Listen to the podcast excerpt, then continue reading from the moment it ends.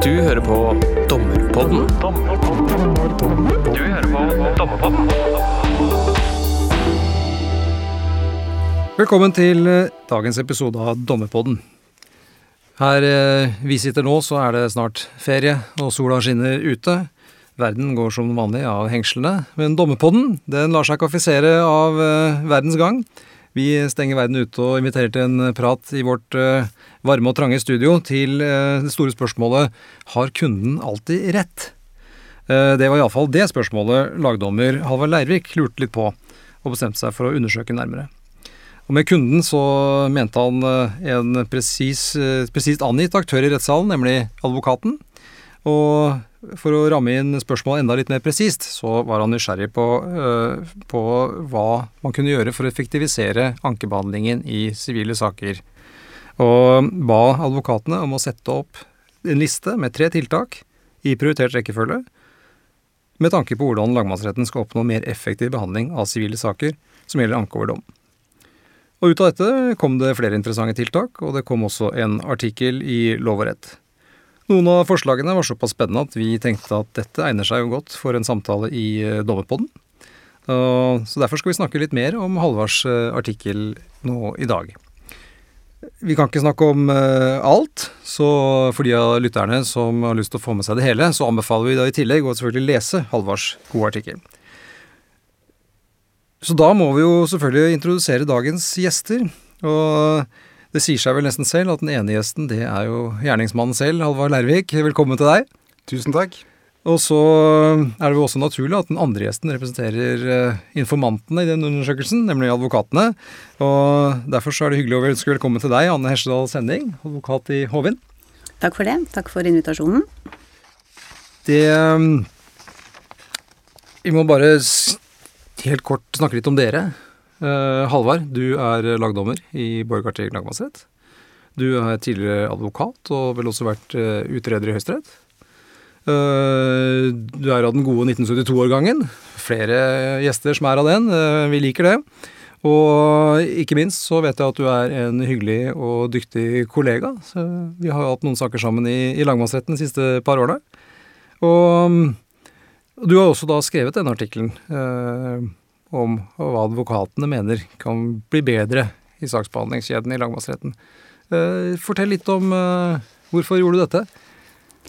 Bakgrunnen er jo en studiepermisjon. Eh, vi dommere har jo mulighet til å ha en måneds studiepermisjon hvert fjerde år. Og så er det en liten åpning for at en kan søke om en måned ekstra. Og det er kanskje en ordning som ikke er så veldig godt kjent, eh, så vi kanskje markedsfører den litt. Eh, det er mulig å søke om en måned ekstra, og der eh, er det faktisk slik at på den, akkurat den pengekontoen der, så er det litt midler. Det er jo ikke så mange kontoer i Domstols-Norge som, som, har noe særlig med, med, kroner og øre. Dette må vi sensurere, for dette kan ikke folk få vite om. Nei. Nei. Nei. Men um, i Borgarting så er vi en del som har benytta oss av den muligheten, og jeg, jeg, håper egentlig at litt flere uh, kaster seg over den muligheten der. Um, og, ordningen er da slik at uh, den lokale domstolen får kompensert dette. Altså det, det er sentrale midler som kommer. Så eh, det som er mm, baksida av medaljen, er at hvis du skal ha den måneden ekstra, så må du da produsere et eller annet som kommer litt flere til gode. Mm. Uh, og eksempel da i form av en artikkel som jeg har valgt å skrive. Uh, og når jeg gikk løs på dette, så, så var egentlig eh, motivasjonen at jeg hadde et ønske om å komme litt mer i dialog med advokatene.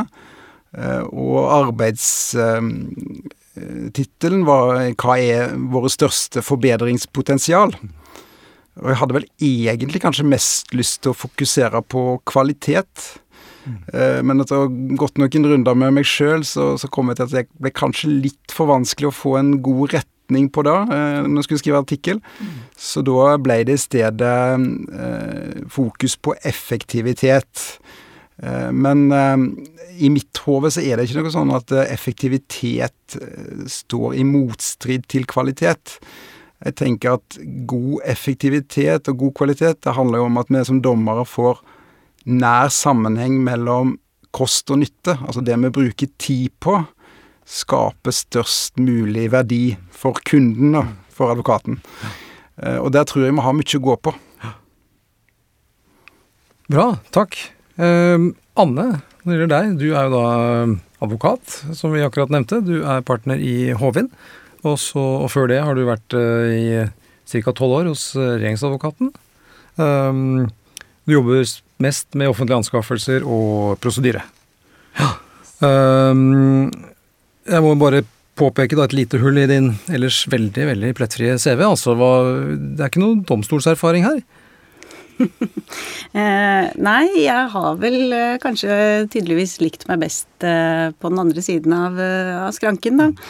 Eh, og så har jeg jo hatt veldig trivelige arbeidsplasser, så det har nok vært vanskelig å rive seg løs eh, derfra.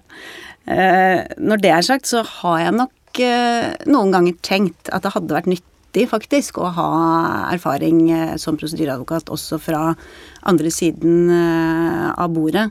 Og, og, jeg oppfordrer ofte de yngre advokatene hos oss til å, til å ta dommerfullmektigpermisjoner og få, få den erfaringen.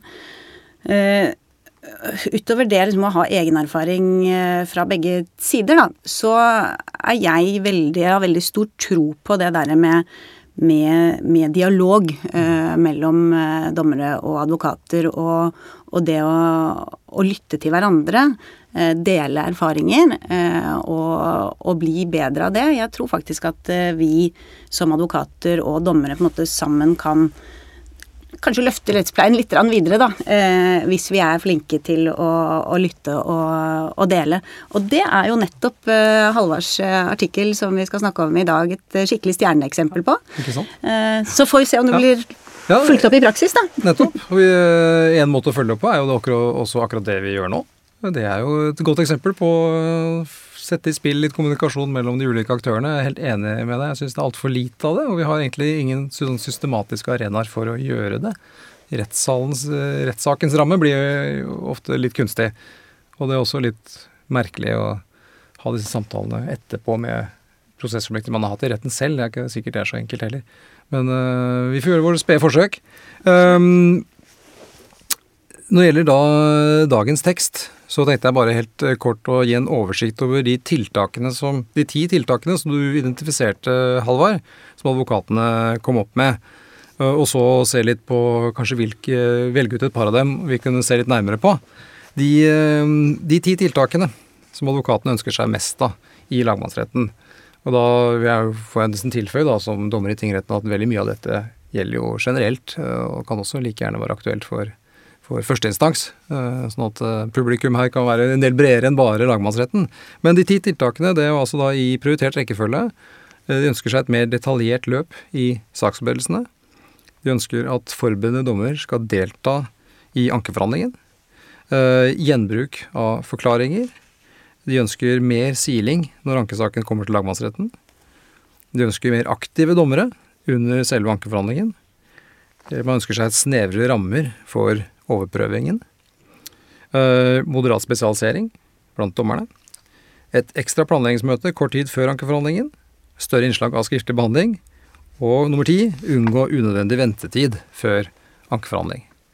Så her er det jo en uh, lang liste med gode uh, ønsker, for så vidt. Kanskje ikke alle man klarer å oppfylle med en gang, og flere som nå er nokså, når man begynner å dykke litt ned i det, ganske omfattende og komplekse ting.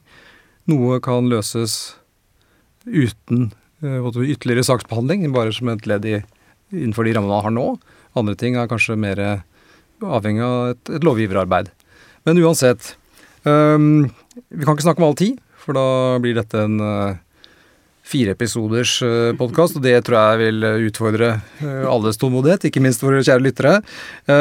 Så men, men, kanskje Kanskje vi rett og slett skal gå på et, et mer sånn et grunnleggende spørsmål i, i artikkelen din, Halvard. Kanskje starte litt å høre med deg om det først. Og i artikkelen din, i, i punkt ni, siste avsnitt, så, så under, under tittelen 'En grunnleggende systemfeil', så, så skriver du følgende ehm, Da siterer jeg fra artikkelen din, så får du unnskylde mine forsøk på å lese ditt utmerkede nynorsk. Men eh, det som eh, du skriver, at det er i dag slik at den tida som blir brukt til ankeforhandling i en sivil sak, i gjennomsnitt er omtrent lik tidsbruken ved hovedforhandling i tingretten. Flere advokater oppfatter dette som en grunnleggende systemfeil, og at i alle fall i større saker bør skje en vesentlig reduksjon i tallet på rettsdager i lagmannsretten. Og jeg tenkte kanskje først å snakke litt om dette med Er det en, er det en grunnleggende systemfeil vi står overfor her? At, eh, at tiden omtrent At det tar omtrent like lang tid i, i lagmannsrett som i tingrett? Halvard, kan starte med deg. Det enkle svaret er ja. Ja. Eh, samtidig så er jeg nok blant de som mener at eh, det er en, en veldig stor spennvidde både i lagmannsrett og i tingretten på sakene, og at vi er for dårlige på å tilpasse behandlingen til det som er utfordringen i hver sak. Eh, og jeg tenker kanskje særlig de mest omfattende sakene, de lange sakene, så er det eh, en grunnleggende feil at vi i lagmannsretten bruker like lang tid i retten som en har gjort i tingretten. Der tror jeg alle er tjent med at vi under saksforberedelsen klarer å spisse problemstillingene på en helt annen måte, eh, og legge noe større vekt på skriftlig behandling. Eh, og at ramma for ankeforhandlingen er å gå i dybden på de ordentlig springende, avgjørende problemstillingene. Så tror jeg samtidig at det, en del av de sakene vi har, gjerne litt kortere saker, eh, kanskje typisk saker som involverer privatpersoner, eh, så er det sånn at striden primært står om bevisspørsmål. Og da tror jeg at eh, for at partene skal føle at de får en reell eh, ny prøving i lagmannsretten, eh, et nytt skudd på mål, så må vi nok eh, gi de eh, spillerom, og gi de tilnærma samme tid som i tingretten. Så, så dette er sammensatt, men, men eh, det enkle svaret er ja, vi har en del grunnleggende systemfeil. Ja, og, det, og da var det fint at du tok opp det, for dette gjelder jo da, som vi sa innledningsvis, sivile saker, men også sivile saker av et visst omfang. Ikke de helt enkle eh, sakene, og du var inne på på foreldretvist f.eks., for eh, som et eksempel på saker hvor, med private parter. Og der har man jo i tillegg eh, et eget ansvar for sakens opplysning, så den, den type saker faller kanskje ikke innenfor kjerneområdet av det du har skrevet om. Nei. Nei. Anne, er du, er du enig med Halvard at er en, det er en systemfeil vi står overfor i utgangspunktet her? Eh, ja, altså jeg, jeg vet ikke om, man, om, det er riktig å, kalle, å, gå så langt som å kalle en grunnleggende systemfeil helt Nei. generelt, men, men, jeg er enig at uh, som utgangspunkt så bør uh, saksordnende dommer uh, i ankesaker se på om det er mulig å få ned antallet rettsdager sammenlignet med, tingrettens behandling, og også enig særlig i de større tvistene. Når jeg sier antallet rettsdager, jeg mener egentlig tidsbruk. Fordi at vi ser jo ofte at det går med veldig lange rettsdager ofte i tingretten, og ikke like lange i langmannsretten. Så, så, jeg tenker egentlig på samlet effektiv tidsbruk, da mer enn kanskje antall, antall dager. Um, jeg tenker at nettopp saksforberedende dommer i, i ankesaker har en skikkelig god forutsetning for å å ta stilling, og det er kanskje det som jeg kanskje tenker er det viktigste. da, Å, å vurdere det og reise spørsmålet. Eh, man, har, eh, man vet hvor mange dager det har vært i hovedforhandlingen i tingretten. Man har en dom å gå ut fra. Man bør kunne identifisere både de springende punktene i saken, hva er liksom kjernen, eh, og man bør kunne Eh, og man vet hvilke vitner som har vært ført, og man bør kunne gjøre seg opp en viss formening av hvor, hvor tung blir denne saken eh, bevismessig. Eh, og da tenker jeg at saksforberedende dommer, hvis man bruker tid, da. Det er en forutsetning at man er nødt til å sette seg inn i, i, saken veldig grundig før man kommer til tidspunktet hvor man skal snakke om antall dager til ankeforhandling. Eh, at alt ligger til rette for det. Og kanskje særlig der hvor partene er uenige. Eh, jeg syns jeg erfarer at eh, både i lagmannsrett og tingrett i og for seg, at, at uh, saksforberedende dommer veldig fort legger seg på det største antallet dager som blir foreslått av en av partene. Ja. senest her en sak jeg hadde for litt siden, hvor vi hadde, det var for tingretten riktignok, skrevet en stevning, mente det var tre dager cirka som burde være fornuftig, en fornuftig ramme på saken kanskje jeg ser ettertid, kanskje tre-fire ville vært riktig, men, men, hvor da motparten kommer og, og, for det første skriver 67 siders langt tilsvar til, til vår 30 eller 24 siders store stevning, og deretter krever, mener at det skal være åtte dager. Og hvor, hvor uh, saksforberedende dommer naturlig nok ser at her står det masse, har ikke satt seg inn i saken, kan, har ikke noen egne formeninger. For sikkerhets skyld setter vi av åtte dager. Og, og det mener jeg at uh, det, er, det, er, kanskje noe mer krevende i tingretten, men særlig uh, saksforberedende dommer i anke um, i, i lagmannsretten um, bør ha forutsetningene til stede for å ha en egen formening om, om det, og dermed bidra til å, å begrense saken. Var det, en, var det en samtale dere hadde i planmøtet om, om rammingen, eller skjedde det utenom? Ja. ja. Eh, altså mellom partene, eller med, med Ja, nei, jeg tenker på den når det ble satt åtte dager, om det da skjedde ja, i, ja, innenfor, skrevet, etter planmøtet? Vi hadde skrevet i stevningen ja. Eh, vårt syn, og, og, motparten hadde skrevet i tilsvaret sitt syn. Så det var veldig klart at her hadde partene ulik oppfatning om behovet for antall rettsdager, og, og, retten ja, for sikkerhets skyld ville jeg ønsket åtte dager. Det mener jeg var helt hårreisende i den saken. Men, men mitt spørsmål ble det saksbehandlet mellom dere i, i f.eks. innenfor rammen av et planmøte, eller var det bare skriftlig behandling på det? Bare satte dommeren bare åtte dager sånn helt uh, ut, ut, fra ja, det skriftlige? Ja, det ble avgjort under uh, planmøtet. Under planmøtet, ja. ja. Uh, så ba vel vi om at det skulle være Vi ba samtidig da, når det ble satt, om at det skulle være et nytt planmøte etter at Eh, det var utvekslet et par flere prosesskriv. Ja. Eh, sånn at det forhåpentligvis da retten kanskje hadde satt seg mer inn i hva som var eh, kjernen i saken. Nå endte den saken i forlik etter en rettsmegling, så fikk egentlig aldri testet det ut. Søren òg. Men sånn er det. Ja, ok, så dere fikk, For det hadde vært spennende hvis man da kunne sett et eksempel på hvordan det da gikk når det er såpass sprikende oppfatninger. Ja, Halvard, kjenner du deg igjen i disse beskrivelsene? Ja, absolutt. Eh, og um, jeg er veldig enig i at eh, en grunnleggende forutsetning her er jo at, at dommeren sjøl bruker tid på å sette seg inn i saka. Så jeg tror jo, når vi liksom fokuserer på at uh, iallfall vi i lagmannsretten bør være flinkere til å gå ned på antall dager i retten, så betyr ikke det at dommeren skal bruke mindre tid, at vi skal bruke mindre ressurser. Dette handler om å flytte tid og innsats ifra siste fase og fram. Eh, og, og eh, jeg tror òg det er helt nødvendig i forhold til at advokatene skal ha tillit til behandlingen hos oss. At de tidlig får eh, en trygghet på at dommeren har satt seg godt inn i saka. Og har et, et saklig grunnlag for å eventuelt å kutte i, i tidsbruken. Nå har jo Annes eksempel her fra, fra tingretten, men i Borgarting har erfarer du ofte lignende type uenigheter mellom partene og eventuelt dommeren om hvor mange dager f.eks. som skal settes av, og hvordan, hvordan saksbehandler dere det? Jeg må vel innrømme at vi er ikke flinke nok til å, å gå i dybden på dette. Eh, jeg kjenner igjen det som Anne beskriver i forhold til at partene kommer med anslag.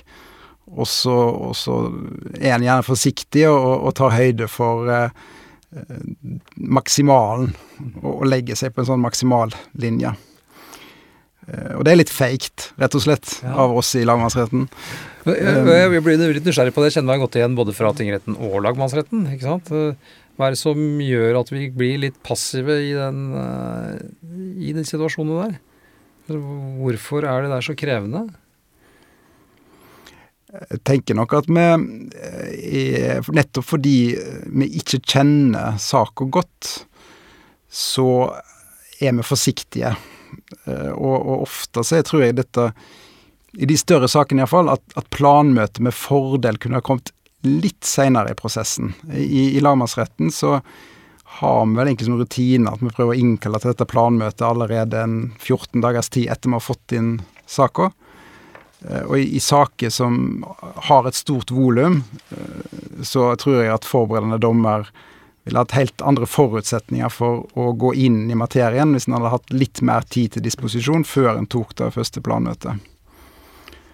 Eh, og det handler nok en gang om at vi eh, som dommere nok ikke er flinke til å forskjellsbehandle, altså differensiere behandlingen ut ifra hvor krevende sakstype det er snakk om.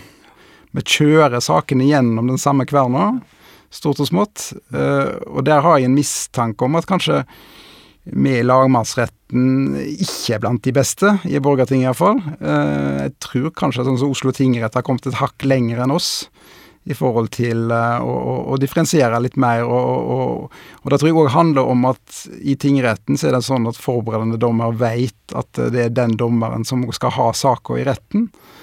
Og det er rart med det, at når det, det, er din egen sak, så legger du gjerne litt mer tid og krefter inn i det enn hvis du, som hos oss, da eh, ikke har det samme eierskapet. For i lagmannsretten, iallfall i Borgarting, så er utgangspunktet at det ikke er noe automatikk i at forberedende dommer også er med i ankeforhandlinga. Nei, nettopp. Og det, og det, var jo også et av de andre punktene som advokatene her etterspør i, når det gjelder anke, ankebehandlingen i Borgarting. Iallfall at uh, man ønsker at saksforberedende dommer er med under ankeforhandlingen. Og det er vel sikkert flere grunner til. En ting er vel bare kun kjennskapen til saken, men det handler kanskje også litt om å uh, få incitamentene til å jobbe i riktig retning. Ikke sant? En, en dommer som mest sannsynlig ikke skal være med i ankeforhandlingen. Er selvfølgelig utmerket og samvittighetsfull, men, men, det er noe som du var inne på en gang sånn at eh, kanskje eh, legger man det ekstra arbeidsslaget inn når man vet at man også Hvis man ikke gjør det, så får man det tilbake i rekylen under ankeforhandlingen, gjerne. Vi er jo kanskje, Noen av oss er kanskje så enkelt innrettet, rett og slett. ja. Jo, men jeg tror det er kjempeviktig. Jeg tror mm. det er et veldig viktig eh, poeng. Eh, det at eh, både i startfasen, eh, hvor man vet at eh, den innsatsen jeg legger inn nå, det vil eh, vi alle kunne tjene inn, inn, senere, fordi man kanskje dermed klarer å, å, å spisse saken når man får advokatene til kanskje også til å jobbe på en annen måte.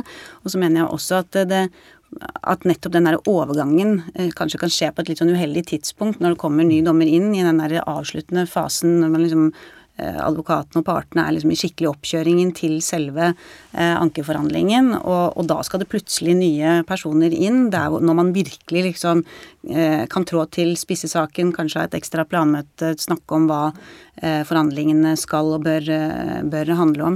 Så, så, hvis det er mulig, så tror jeg det er et utrolig nyttig grep å, å ha samme dommer gjennom prosessen. Ja. Det får jo være da en tilbakemelding til de som bestemmer slikt. Det, det som Men det er jeg enig i at kanskje, kanskje, er det sånn at det er lettere da for tingrettsdommeren, som normalt har også hovedforhandlingen, å føle det eierskapet. Men selv for oss, da, Anne, så syns jeg det er av og til litt vanskelig.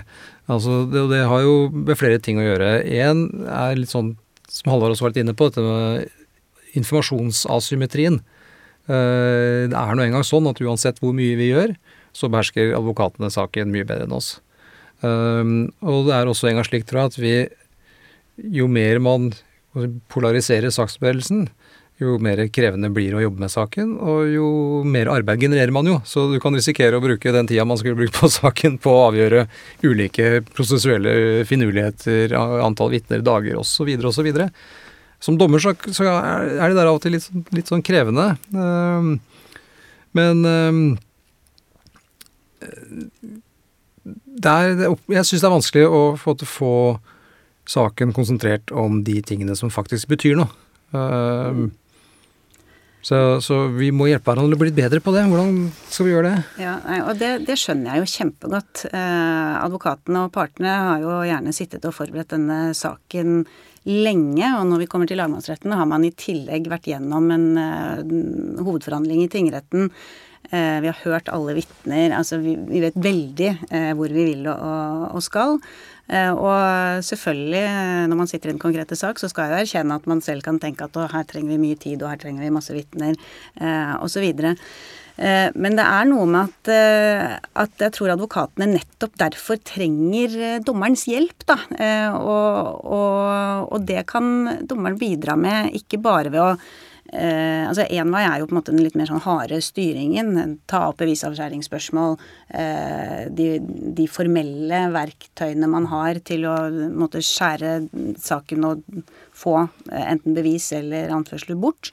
Eh, men jeg tenker kanskje at, eh, at også de, den pragmatiske tilnærmingen da, eh, kan være vel så, så nyttig. Og da tror jeg også man får advokatene mer med på laget, og man vil spare ressurser kanskje samlet fordi man nettopp ikke da skriver ti sider hver retning om bevisavskjæring eller ikke osv. Og, så og det kan jo gjøres nettopp ved å stille spørsmål og få advokatene litt mer på glid og, og, og mer på lag.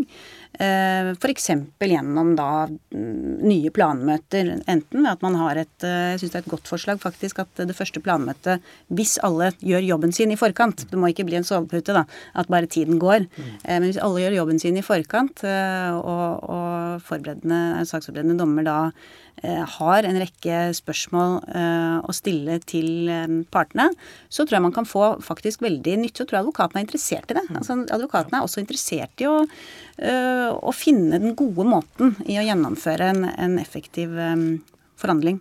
Så planmøter, still spørsmål. Få, og være konkret. Da, for å få advokaten med, så er man nødt til å være konkret. Man må erkjenne at man ikke kan saken like godt som advokaten, men, men, men stille spørsmål og, og vurdere svaret. Det vi snakker om nå, er jo mye spissing av sakene. Hvordan får vi til det? Det er jo et sånt tema som går igjen på ulike dommerseminar, og kanskje vært tema her i Dommerpodden også, i ulike varianter. Mm. Og erfaringen er jo at det er vanskelig å få til. Um, da jeg hadde disse um, samtalene mine med advokater i denne undersøkelsen som leder fram til artikkelen, så syns jeg det kom veldig tydelig fram at advokatene ønsker den spissinga, men de innrømmer at i den enkelte sak så er det ikke så lett for advokaten å være pådriveren for en spissing. Advokaten ønsker gjerne å imøtegå alt som motparten kommer med, og en har en klient som sitter på skuldrene, og som ønsker gjerne at alt skal med. Samtidig så var gjennomgangstonen hos advokatene at de, de, ser behovet for den spissingen. Og jeg tror at resultatet av dette er at vi dommere må ta ansvar. Vi må måtte innse at i den prosessen her, så er det dommeren som må være lokomotivet, pådriveren. Eh, og da tror jeg at det er mulig å få med seg advokatene på det. Og nok en gang så er den grunnleggende forutsetningen da at forberedende dommer faktisk kan saka godt. At du får tid, og bruker tid, på å gå inn i saka på et mye tidligere stadie enn det vi holder på med i dag. Ja, og det, det griper jo for så vidt rett inn i den store aktiv saksstyringsdiskusjonen som vi har hatt i en del år nå, og hvor vel alle er enige om at vi skal forsøke å flytte fokus og bli litt mer fortunge i saksbevegelsen. Og så vet jeg ikke, Halvor, jeg, kanskje ikke alltid at vi opplever at det legges til rette for at vi faktisk får den. For det er som du, sier, som du også sier, Anne, vi må ha den tiden. Og den tiden må da nødvendigvis tas et sted fra. Så, og det, det er ikke alltid det er så enkelt å få til i en hverdag. Det er en kjempeutfordring, mm. og jeg tenker at uh, her eh, må liksom alle gode krefter i Domstols-Norge gå litt sammen. Og, og det er til viss grad eh, snakk om tilgang på ressurser, det er snakk om god ledelse. Mm. Men det handler også litt om at vi dommere må, må heie på hverandre eh, og på en måte framelske litt den dommerinnsatsen som går på, på god saksforberedelse og for så vidt god prosessledelse i rettsmøtet. Jeg føler nok at det er en kultur der vi har veldig fokus på sluttproduktet dommen. Eh, og en får en stjerne i margen ved å ha skrevet en lang og, og grundig dom med alle mulige kildehenvisninger, og, og alle komma er riktig plassert. Og i en del saker så tror jeg vi må ta inn over oss at det er dårlig ressursbruk.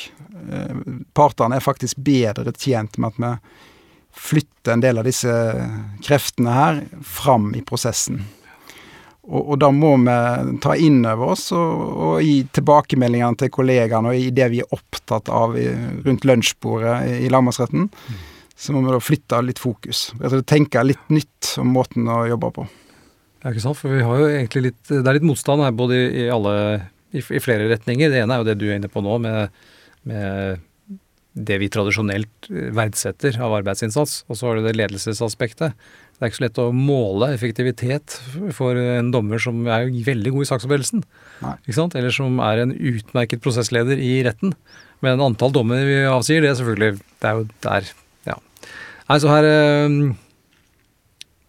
ikke for å være negativ, altså. For all del, men, men det er klart, her, du, du, det er helt riktig. Vi, vi, på et eller annet vis så må vi jobbe videre med det skiftet. og det er klart, Her har det skjedd også mye, så det er ikke det er ingen grunn til å svartmale situasjonen.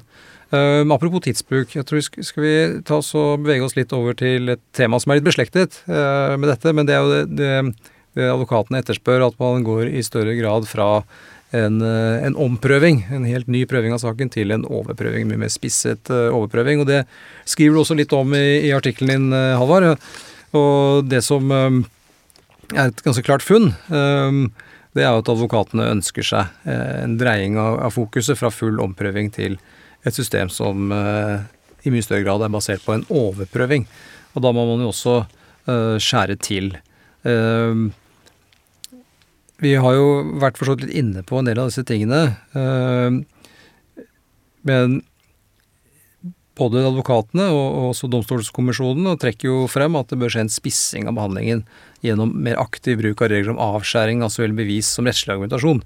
Eh, du skriver, eh, Halvard, at eh, det skal ikke brukes tid på argument som neppe vil føre fram. I tillegg er flere advokater åpne for mer avskjæring basert på et prinsipp om proporsjonalitet. Vi har jo snakket litt allerede om avskjæring av bevis. og Det er jo én side av det, en ganske viktig side. Men vi har også et spørsmål om man kan avskjære også mer påstandsgrunnlag, anførsel argumentasjon. Og kanskje også generelt på basis av mer sånn allmenn proporsjonalitetsbetraktning. Um, Start med deg, Anne. Hva tenker du om, eh, om de elementene? Ja. Uh, nei, jeg, jeg, må nok kanskje innrømme at uh, akkurat på det punktet er jeg nok kanskje litt blant skeptikerne uh, til, i hvert fall formelt, å avskjære at rettslig argumentasjon Man har vel knapt hjemmel til det sånn som det er i dag uansett, men, men, men, i den grad man skulle vurdere å innføre regler om det, så er nok ikke jeg sikker på at akkurat det eh, er veien å gå for å få eh, spisset eh, saken. Uh, og det har med å gjøre at, uh, at man, uh, altså man kan sette seg inn i tingrettsdommen, man kan sette seg inn i anke- og anketilsvar osv. som saksforberedende dommer, men det er vanskelig selv da å, å se det fulle og hele bildet. Og, og, mm, og jeg tenker at som altså de gangene jeg har representert ankende part da, og fått en eh, dom som jeg er skikkelig misfornøyd med, eh, så har jeg jo et behov for å bruke den rollen som ankende part til på en måte å å få satt perspektivet eh, på nytt. Eh, og det kan kanskje ved første øyekast se ut som måte, ja, men Det var ikke akkurat sånn strukturen og opplegget var her i tingrettsdommen. Eh, og, og, det tenker jeg at man skal la ankende part Eh, får lov til å, å gjøre i, i ankeforhandlingen. Eh, fortelle sin historie. Selvfølgelig eh, fokusere på i sin struktur og sin historie på hva det er tingretten, på hvilke punkter er det tingretten her har trådt feil. Eh, men, men, eh, partene kan ha et behov for å, legge opp den rettslige argumentasjonen på en måte eh, som gjør at, at, jeg rett og slett tror at ja, at det er litt skummelt da, å, å, la en saksforberedende dommer ta stilling til uh, formell avskjæring. Det jeg derimot er mer positiv til, det er at man kan uh, bidra til spissing av den rettslige argumentasjonen, sånn som Halvard egentlig var, var, inne på uh, i stad litt. Rann. At man f.eks. i denne avsluttende fasen før man går inn i ankeforhandlingen, kan ha f.eks. et planmøte, kanskje et fysisk møte. Ofte er eh, advokater enda litt mer pragmatiske når de sitter og prater sammen rundt et bord sammen med, med retten. Um, hvor man kan snakke sammen uh, både om rettslig argumentasjon og tidsplan. Fordi at tidsplanen vil jo kunne være, bidra til å styre ganske mye. Ja, men her er, ja, kanskje dere skal sette av litt mindre tid til akkurat det spørsmålet. Uh, det er i hvert fall sånn retten vurderer det foreløpig. Og så å få en viss sånn pekepinn på det. Så jeg er nok skeptisk til formelle Eh, av avskjæringer av argumentasjon, men eh, tar gjerne imot bidrag fra ja. saksforberedende dommer også der.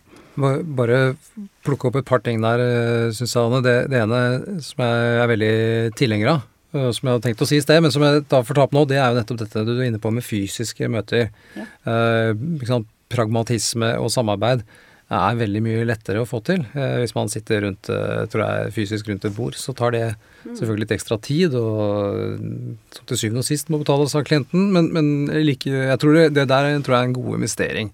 For det er lett å være høy og mørk i eh, både skriftlig og i telefonsamtaler. Særlig skriftlig, altså. på Særlig skriftlig. Altså det er jo, dette har sikkert dere opplevd også veldig ofte, men du har et bilde av en advokat ikke sant, som Belsebub selv etter de skriftlige innleggene, og så kommer han i retten, og så er det jo bare samarbeidsvilje og hygge hele veien. Av og til er det omvendt, men det er mer sjeldent. Men, men det er jo å bare tenke, vi, vi har et felles prosjekt, det skal vi forsøke å gjennomføre på, eh, på en fornuftig måte. Med en god balanse mellom det som kommer inn og det som kommer ut i andre enden. Den, så den tror jeg Også tidsplan. Jeg må bare spørre deg, hva tenker du om dommere som håndhever tidsplaner strengt? Ja, der må jeg nok svare kommer litt an på. Ja. jeg blir litt svar skyldig, kjenner jeg. hvilken Har vel han, har vel han erfart rundt og, og, og, og, og altså for hvis man, hvis man gjør det som vi ønsker at dommeren skal gjøre, da, som vi kanskje skal snakke mer om etter hvert, det er jo å også være aktiv under selve ankeforhandlingen eller hovedforhandlingen, eh, så kan jo det bidra eller medføre en viss eh, forskyvning av advokatens eh, opplegg. Eh, så jeg tenker at eh, dommeren bør være mer opptatt av sak enn en tidsplan, men eh, mye kan gjøres ved å snakke om tidsplanen på forhånd, og gjøre oppmerksom på at vi har den og den tiden.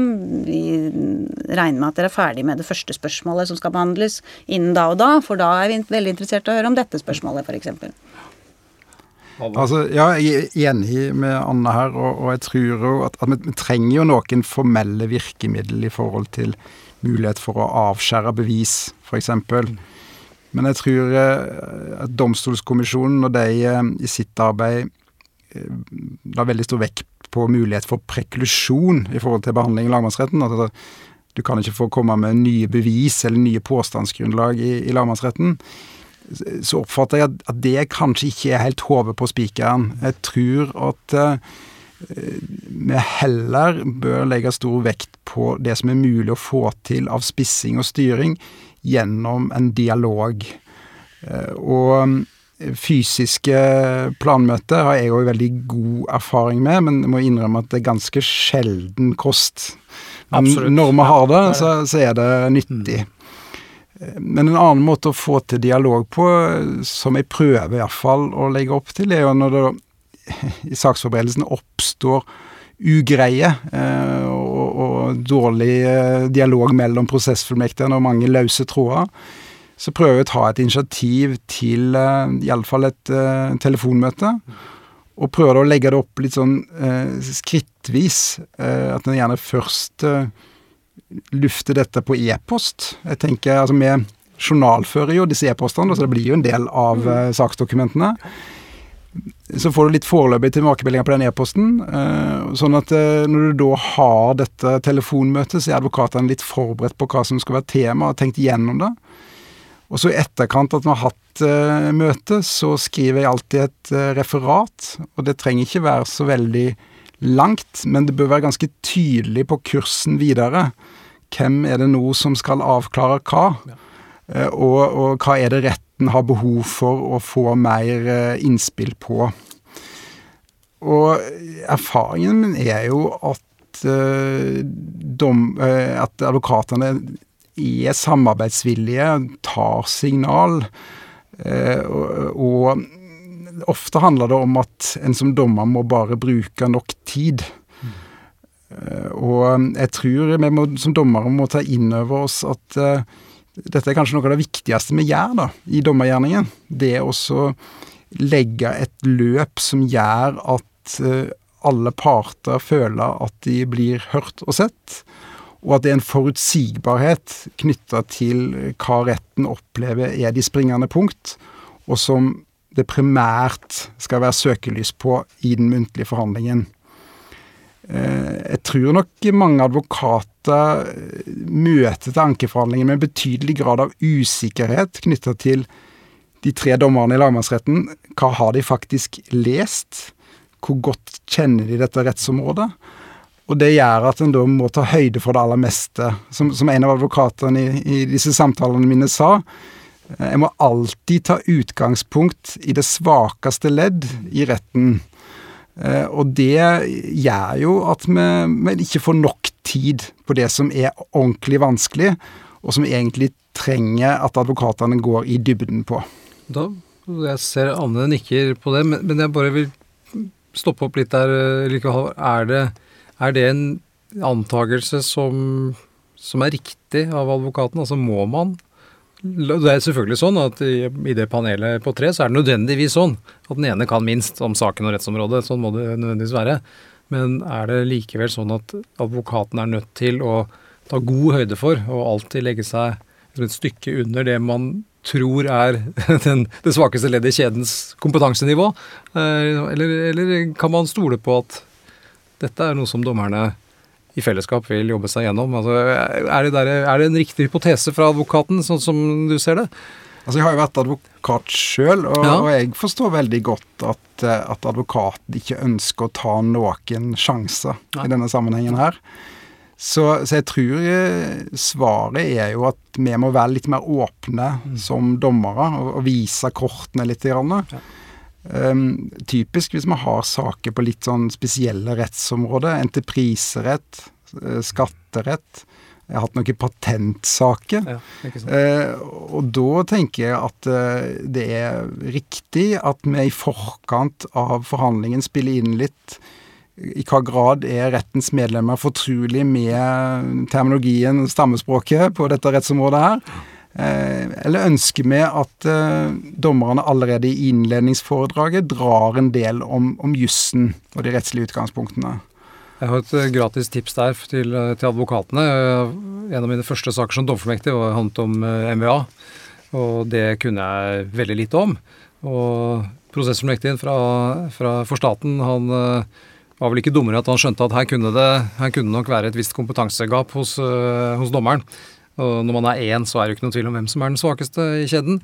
Eh, så han sa jeg, eh, jeg har et eh, sånn fem-ti minutters liten oversikt over hvordan MVA-systemet fungerer, inngående, utgående osv. Det kan godt tenkes at administrator er vel kjent med et system, men hvis det er ønskelig, så kan jeg godt ta det.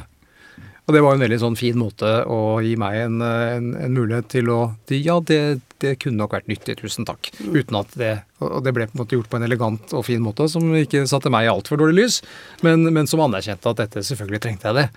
Og det, der kan advokatene kanskje også av og til være Man kan jo gjøre det litt elegant, ikke sant. Og dommerne kan også bli mye mer åpne. Det er klart det er masse vi vi ikke behersker eh, like godt. Sånn er det å være generalist-dommer, og det må vi jo bare erkjenne. Mm.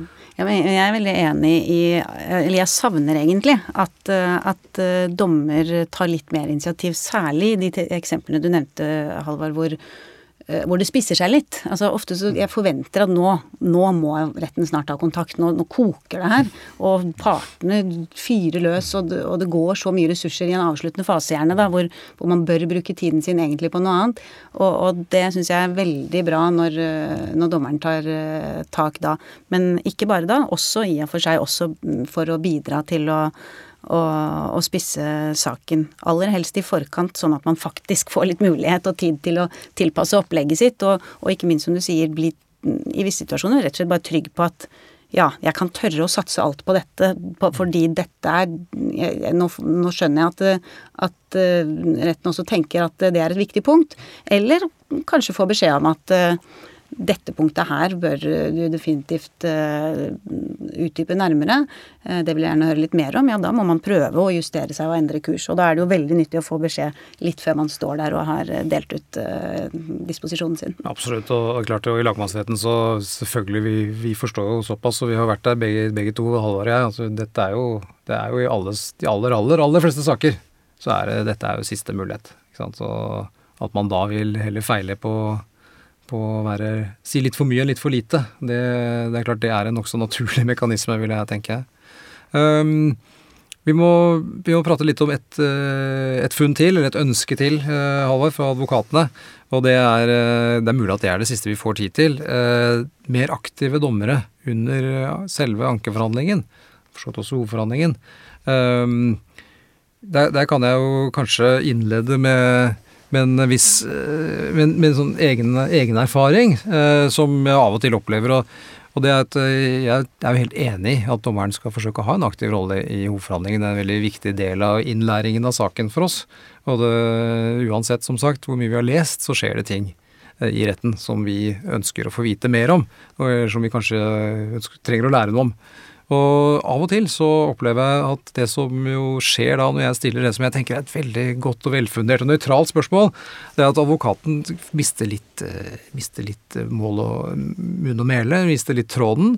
Um, Syns jeg kan fornemme at advokaten ofte oppfatter det som et slags angrep på advokatens saksfremstilling, eller et uttrykk for at jeg er uenig med advokaten. Um, det er jo også sånn rent praktisk at eh, jo flere spørsmål, jo vanskeligere er det å håndheve tidsplanen. Og advokaten kan oppleve at nå tar dommerne og stjeler min tid her. Um, og resultatet av det er at man av og til uh, ikke får den helt store utbyttet av det som i utgangspunktet var en god intensjon. Um, så, så, det, så, jeg bare tenkte å høre, er dette, er dette bare, er det bare meg, eller er dette noe som også noen av dere hender at dere opplever? Uh, Begynn med kollega, kollega Halvor, kanskje? Ja, jeg, jeg, kjenner meg veldig godt igjen. Det tror jeg eh, de fleste dommere vil gjøre.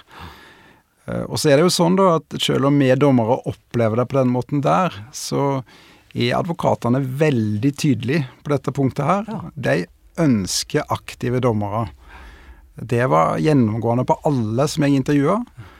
Og det er noe jeg også husker igjen fra min tid som advokat. Jeg kan dra en liten uh, historie der. Jeg hadde en uh, ganske lang og krevende eiendomstvist som min klient vant i tingretten, og så var vi oppe i Eidsivating lagmannsrett og hadde ankeforhandling.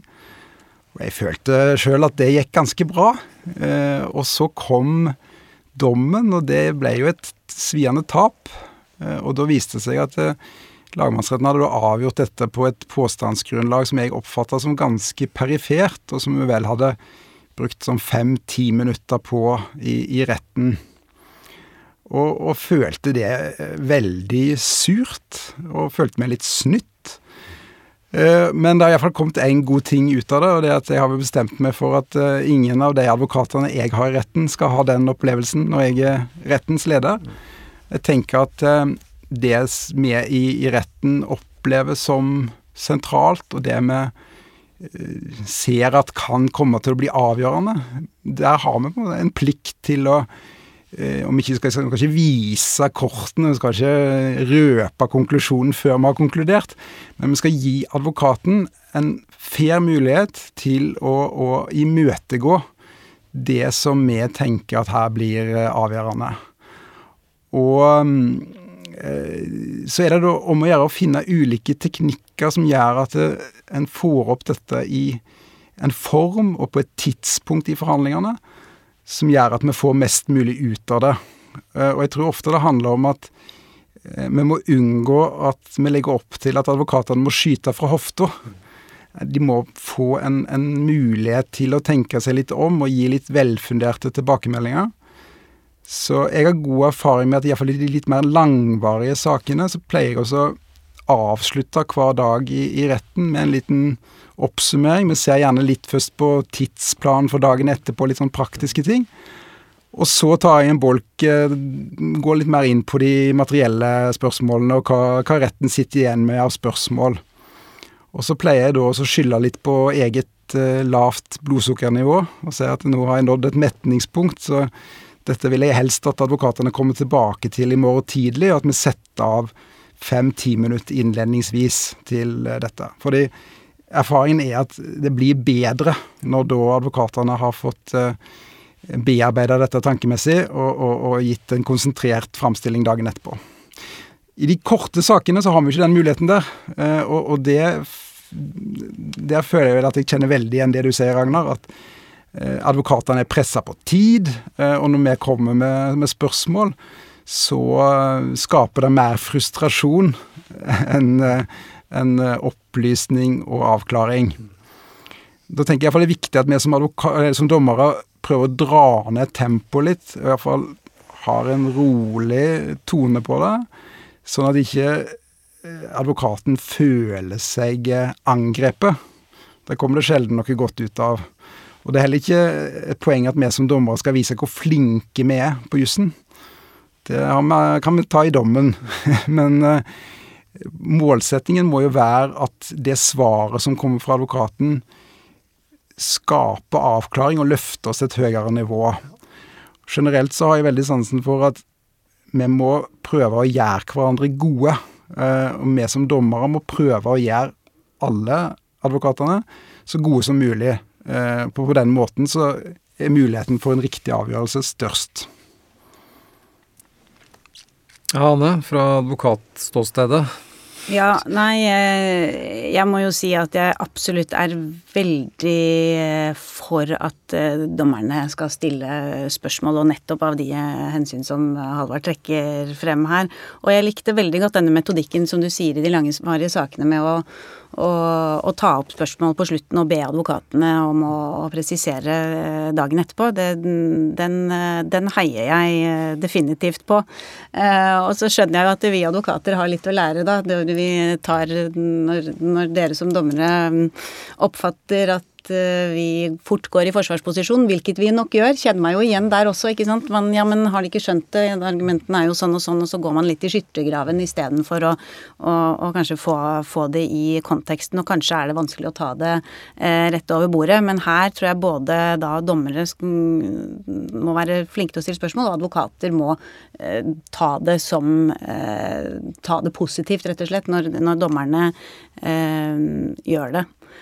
Um, dette har jo med jeg, jeg, tenker det har veldig mye med timing å gjøre, hvordan advokaten uh, føler det uh, og tar det. Uh, og jeg tror også at det kan være nyttig å ta på forhånd at jeg kommer til å stille en del spørsmål. Jeg har satt meg inn i saken. Ehm, jeg ser særlig rundt de og de temaene at det er en del ting som jeg syns er uavklart. Eh, jeg kommer tilbake når vi kommer mer konkret inn på detaljene der, og vil stille en del spørsmål. Eh, så, så, så er man mer forberedt på at det kommer, og så blir man ikke liksom, føler seg ikke overrumplet. Da. Og her mener jeg også at dommeren kan Nå har vi jo ofte ganske fyldige disposisjoner. Eh, gå gjennom disposisjonen, kanskje ta den ut i pausen, ta en liten kikk. Hvor passer det seg å stille de spørsmålene som, som jeg mener at er veldig viktig at advokatene svarer på i, i denne saken. Så, men uh, dette med spørsmål Altså det kjedeligste, og ikke bare det kjedeligste, men du, du kom, hvis du kommer ut av retten og ikke har fått ett eh, spørsmål, ikke kanskje engang blikkontakt med noen av de tre som sitter der oppe, så har man egentlig ikke hatt en sånn kjempegod dag på, på jobben. Så mm, spørsmål er bra. Ja, det, det er vi enige om. Da noterer vi oss det, at dette skal uh det kan være veldig klokt å forberede. Eh, sånn som du er inne på, Halvard, å ta en liten oppsummering. Også eventuelt på, på morgenen har jeg også gjort med av og til. Altså starte dagen med litt sånn to minutter med husholdning. Gjennomgang av tidsplanen, hva vi skal gjennom. Du kan også ta ting inn i tidsplanen. altså ja, I noen saker hvor det har vært aktuelt, så har jeg sagt at uh, på det tidspunktet der så skal vi sette av 20 minutter for å snakke om uh, minnelig løsning, f.eks. Og, det, det, da, og de diskusjonene blir vesentlig bedre enn hvis man bare tar det opp, sånn, opp av hatten. Det er også en side til partene, selvfølgelig. ikke sant? Det En ting er advokatenes arbeidshverdag, men uh, at partene også opplever at det som skjer, er, er noenlunde forutsigbart og, og ligger en eller, annen, en eller, annen, tanke bak. Så det, det høres ut som uh, mange gode, gode innspill. Jeg tror generelt så Det, det er stor variasjon i prosessledelsen. Altså, det, det, det, merker jeg som, som, advokat. Nå er det ti år tilbake, så det kan jo, kan jo kanskje ha skjedd en forbedring. Men på mange måter litt, litt sånn skremmende stor variasjonsbredde fra de dommerne som er helt tause gjennom hele forhandlingene, til de som uh, har uh, fyller hele rommet, og vel så da, og, og litt overtenning. Mm. Sant? Det kan bli for masse òg. Mm. Eh, så, så, her tenker jeg jo egentlig at det er behov for, for litt sånn eh, kalibrering i dommerstanden, og, og vi bør nok dra dem i retning av mer, å være mer aktive. Eh, og, og, ingenting er så frustrerende som de dommerne som går i ett med tapeten bakom. Helt riktig, og der har jo dere, dere i lagmannsretten eh, har jo en eh, utmerket anledning til å gjøre det, for dere sitter jo sammen med kollegene deres hele tiden og observerer hverandre. Eh, så dere kan jo faktisk sette dette litt i system ved å ha refleksjoner om hvordan dette har forløpt. Eh, selv om det kanskje kan være krevende av og til, men det tror jeg det tror jeg hadde vært nyttig både for dommere og advokater. I tingretten så er det jo ikke så mange som ser på oss i, i de sivile sakene. Eh, vi har jo selvfølgelig også vi har jo eh, til, til advokatene der ute, vi driver jo med litt kollegaveiledning, observerer hverandre og filmes og blir, eh, blir sett lite grann. Men fellesnevneren er vel at det er, det er veldig snilt. Og, og, det kan tenkes at man kunne hatt nytte av litt mer, litt mer konkrete tilbakemeldinger og, og, praktiske tips og triks for å kommunisere bedre med aktørene i retten i en situasjon som jo for alle er ganske spent. Sånn er det jo. Jeg tenker at dette kanskje burde være mer tema på type dommerseminar ja. og på startkurs for dommere. Ja.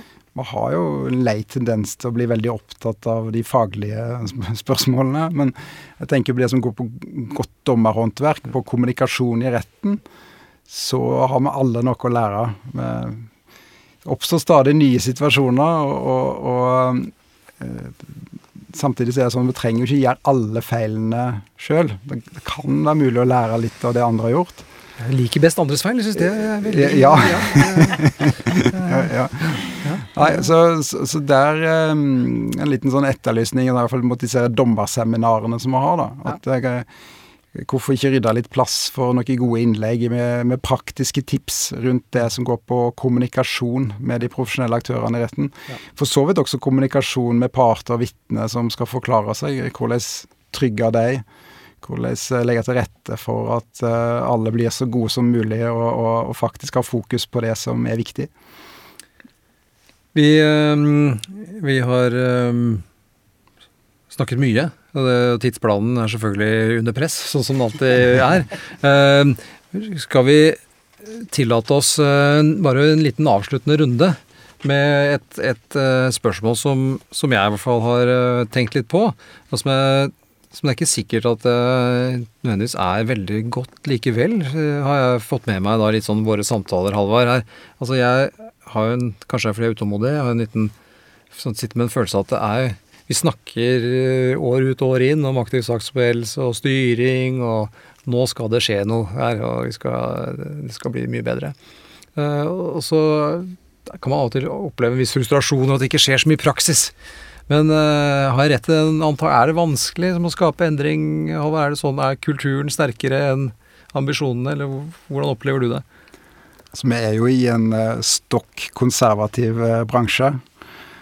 Uh, og evnen til å tenke nytt, og kanskje særlig evnen til uh, å gjennomføre endringer, er, er, ikke så stor. Samtidig så, så, nekter jeg å være veldig pessimistisk. Uh, så jeg tenker tilbake til da jeg var dommerfullmektig for 20-25 år siden. Så jobber vi på en annen måte i dag enn vi gjorde den gangen. Noe av det er jo litt styrt av teknisk utvikling. Men det er også en del som på en måte er reelt styrt av at, at dommerstanden har tatt tak og vist vilje til å jobbe på en annen måte. Jeg syns et godt eksempel der er rettsmekling, som, som vel i sin tid var eh, et initiativ fra noen få dommere, og som på en måte har vokst seg opp til um, en, en, en, god ordning og en profesjonell ordning i mange domstoler rundt omkring. Uh, mange saker som finner sin løsning i dag gjennom rettsmekling. Et annet punkt som jeg gjerne vil løfte litt fram, er dette med, med klart språk, der det har blitt jobba aktivt og godt av mange. Jeg syns vi ser absolutt resultater da. Eh, mindre stammespråk, lettere å følge rettsavgjørelsene i dag enn eh, for 20-30 år tilbake i tid. Så er utfordringen i dag at eh, folk skriver for langt. Det, det må vi ta tak i. Eh, så jeg tror også når det gjelder dette med aktiv saksstyring f.eks., så, så, så må vi ikke gi opp. Og jeg tror på at det er mulig å få til ting. Eh, og så tror jeg det er viktig at vi som dommere erkjenner at det, det er vi som må ha pådriverrollen her. Og, og, vi må våge å jobbe på litt andre måter, og vi må våge å stille krav til advokatene. Og så må vi gjøre det i, i, en form som gjør at vi også får innspill fra advokatene, sånn at dette blir et samarbeid. Um, og, og um, hvordan få det til å skje noe? Uh, jeg um, tror at det er viktig at vi i litt større grad enn tidligere ser på hva type sak vi har. Vi skal ikke tilby skreddersøm, men vi må tilpasse løpet litt til hva type sak det er. Er det en enkel, oversiktlig bevistvist, primært, eller er det en stor, kompleks sak om vanskelige rettsspørsmål? Det krever ulik behandlingsform, og der er, er domstolshverdagen i dag helt annerledes enn hvordan den var for 30-40 år tilbake. Det som på en måte er kulturen her, og sånn som sivilprosessen er anlagt, det er ikke tilpassa denne enorme variasjonsbredden som vi har i dag. Og det må vi ta inn over oss. Anne, du Deler du Halvards eh, si, optimisme? Jeg tenkte jeg skulle kvalifisere det med, med behersket eller noe, men vi kan, vi kan, si bare optimisme. Er, det, er du enig? Ja, Syns du dette går i riktig retning? Det, det, går jo i riktig retning. Samtidig så ser vi jo det, at uh, man har snakket om, uh, om aktivitetsstyring en, en stund uten at det er sånne kvantesprang man tar. Uh, og jeg må jo da på vegne av advokatstanden eh, liksom eh, erkjenne at vi er kanskje ikke så flinke ikke sant, i den enkelte sak. Vi er veldig flinke. Det er lett å sitte her nå og være veldig for og positiv til Eh, effektivitet i både tingrett og, og, lagmannsrett, og vi skal få ned og vi skal spisse, og vi kan bare glemme noen av de argumentene, for de var jo egentlig ikke så viktige. Men jeg vet jo godt at når jeg sitter der med den konkrete sak, så er det jo mye større utfordring eh, å, å, å, klare å etterleve dette. Um, men nettopp derfor, da, fordi vi vi på advokatsiden jo nettopp erkjenner denne utfordringen vi har i den konkrete saken, så, så er jeg jo veldig glad for å høre at, uh, at, dere da som dommere også på en måte ser på dette som uh, et initiativ som, um, som kan ligge hos uh, dommer. Og så må selvfølgelig vi på advokatsiden også gå inn i oss selv, fordi dette dreier seg jo egentlig om en litt sånn kulturendring hos alle aktørene som, som deltar. hvor man blir nødt til å flytte kutte eh, mye av liksom, tiden man bruker på, på, saken, ikke bare på dommersiden, men også på advokatsiden til et tidlig eh, tidspunkt. Men jeg tror nok, eh, som Halvard sier, at mye av nøkkelen ligger i dialogen. Altså dialogen og samarbeidet mellom aktørene. Da tenkte jeg å egentlig oppfordre alle lyttere til å først og fremst lese Halvards utmerkede artikkel. Uh, og så kanskje legge seg på sinne den siste oppfordringen fra Anne. Dialog, uh, samarbeid. Vi har et felles prosjekt. Prøve å få mest mulig nytte ut av minst mulig kost. Det, det hadde vært uh, helt strålende. Da vil jeg takke begge to for at dere har deltatt i, i Dommerpodden. Takk skal dere ha. Takk for nå. Sjøl takk. Du har hørt på Dommepodden. Dommepodden er en podkast fra Norges domstoler, og er først og fremst ment som et kompetansetiltak for dommere. Hvis du har ris, ros, forslag til temaer eller folk vi kan prate med, så er vi glad for å høre fra deg, og da kan vi nås på podkast at domstol.no. Ha en god dømmende hverdag så lenge. Vi høres.